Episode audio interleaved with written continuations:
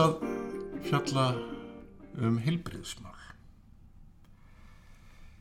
Hvort sem okkur líkar það betur eða verð, stöndum við frammi fyrir því að þurfa að auka útgjöld til heilbriðismála á komandi árum og áratugum.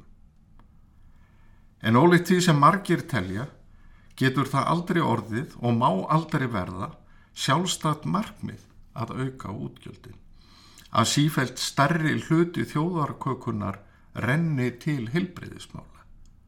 Keppikeplið er öflug heilbriðisjónusta og aukin lífsgæði borgarana. Sem þjóð stöndu við Íslendinga frammi fyrir miklum áskorunum í heilbriðismálum á komandi árum og áratugum. Ég ætla að nefna hér nokkur aðrið. Við erum að elda sem þjóð og það eitt kallar á aukna fjármunni í heilbriðist þjónustu. Aukin útgjöld duga hins vegar skamt ef betri nýting fjármunna, vinnuafls, tækja og fastegna verður ekki tryggð. Stöðut fleiri standa utan vinnumarkaðinins.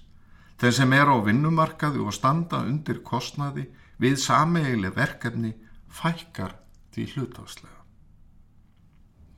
Og fjármögnun helbriðist þjónustunar er úrreld, hún þarnast uppstokkunar. Við þurfum að hverfa frá förstum fjárveitingu til helstu stofnana og taka upp samninga á grunni unnina verka.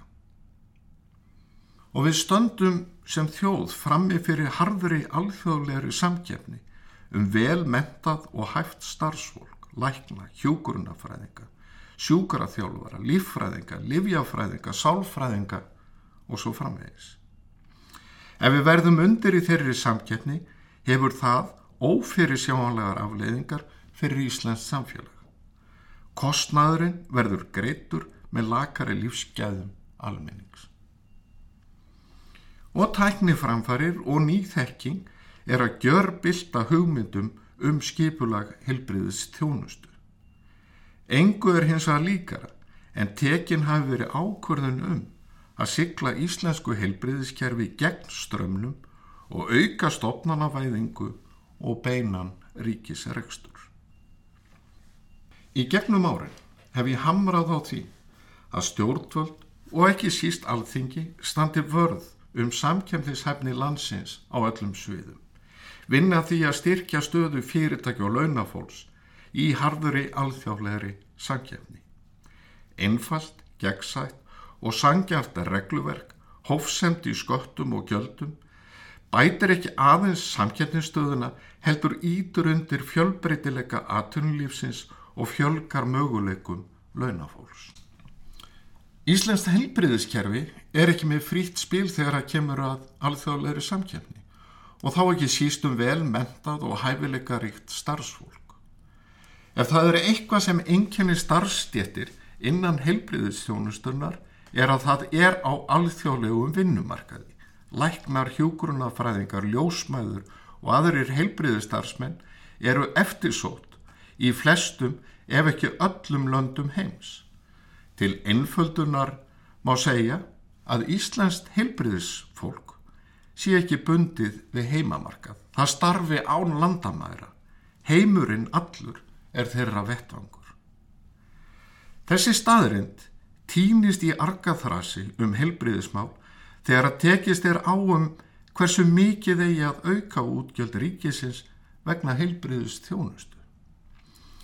Samkjöfnishæfni helbriðiskerfisins er lögð til hlýðar þegar barist er fyrir því að útgjöld til helbriðismála skuli verað að lámarki til dæmis 11% af landsfarmleyslu.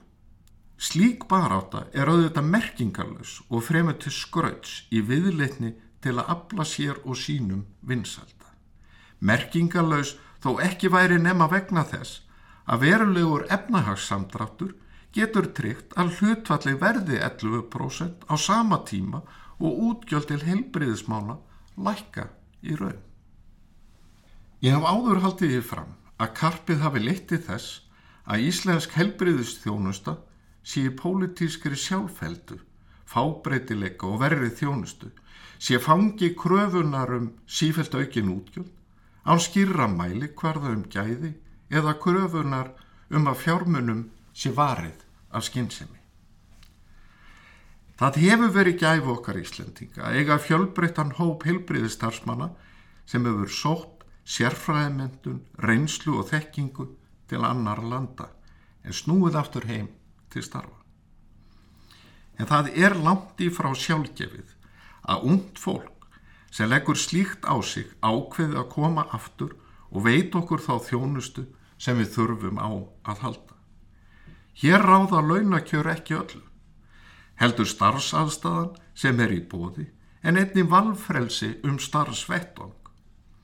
Það er ekki sérlega hillandi tilugsun eftir margrára nám og starfsmentun að eiga þann eina kost að koma til starfa innan vekja ríkisrekstrar.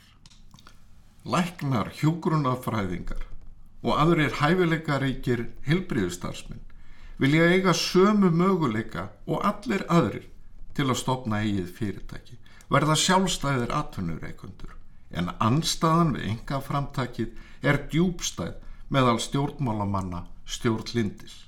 Svo djúbstæð að það verði skipta meira máli að leggja steina í götu engaðila en að tryggja bestu hilbriðustjónustunu og sjá til þess að fjármunum sé vel varið og um leið fækkar tækifærum heilbriði starfsmanna. Á síðustu árum hef ég skrifað töluvert um heilbriðismál. Mikilvægi hins sameigilega tryggingakerfis hefur verið rauðið þráðurinn í þeim skrifu. Tryggingakerfi sem byggist á þeirri grunn hugsun að við sameigilega fjármögnum öflugt heilbriðiskerfi svo tryggt sé að allir fái nöðsynlega þjónustu og aðstóð án tillits til efnahags eða búsetu. Samþætting og samvinna ofinbers rekstrar og engarekstrar í helbriðistjónustu á grunni sameigilegs tryggingakerfis tryggir ekki aðeins betri þjónustu við landsmenn heldur styrkir stöðu okkar í harðuri alþjóðlegri samkeppni um hæfileika. Ríkisrekstar higgjan Það sem enga framtækinu er rutt skipulega úr vegi er hins vegar á góðri leið með að grafa undan öfluri þjónustu og myndar farfi fyrir tvöfalt heilbriðiskerfi.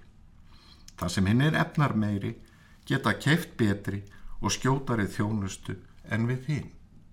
Og með því rótnar sáttmálinn sem við höfum gert um að tryggja öllum sameigilega öfluga og góða heilbreyðstjóðust. Ég þakka þeim sem hlýttu eigi góða stundir.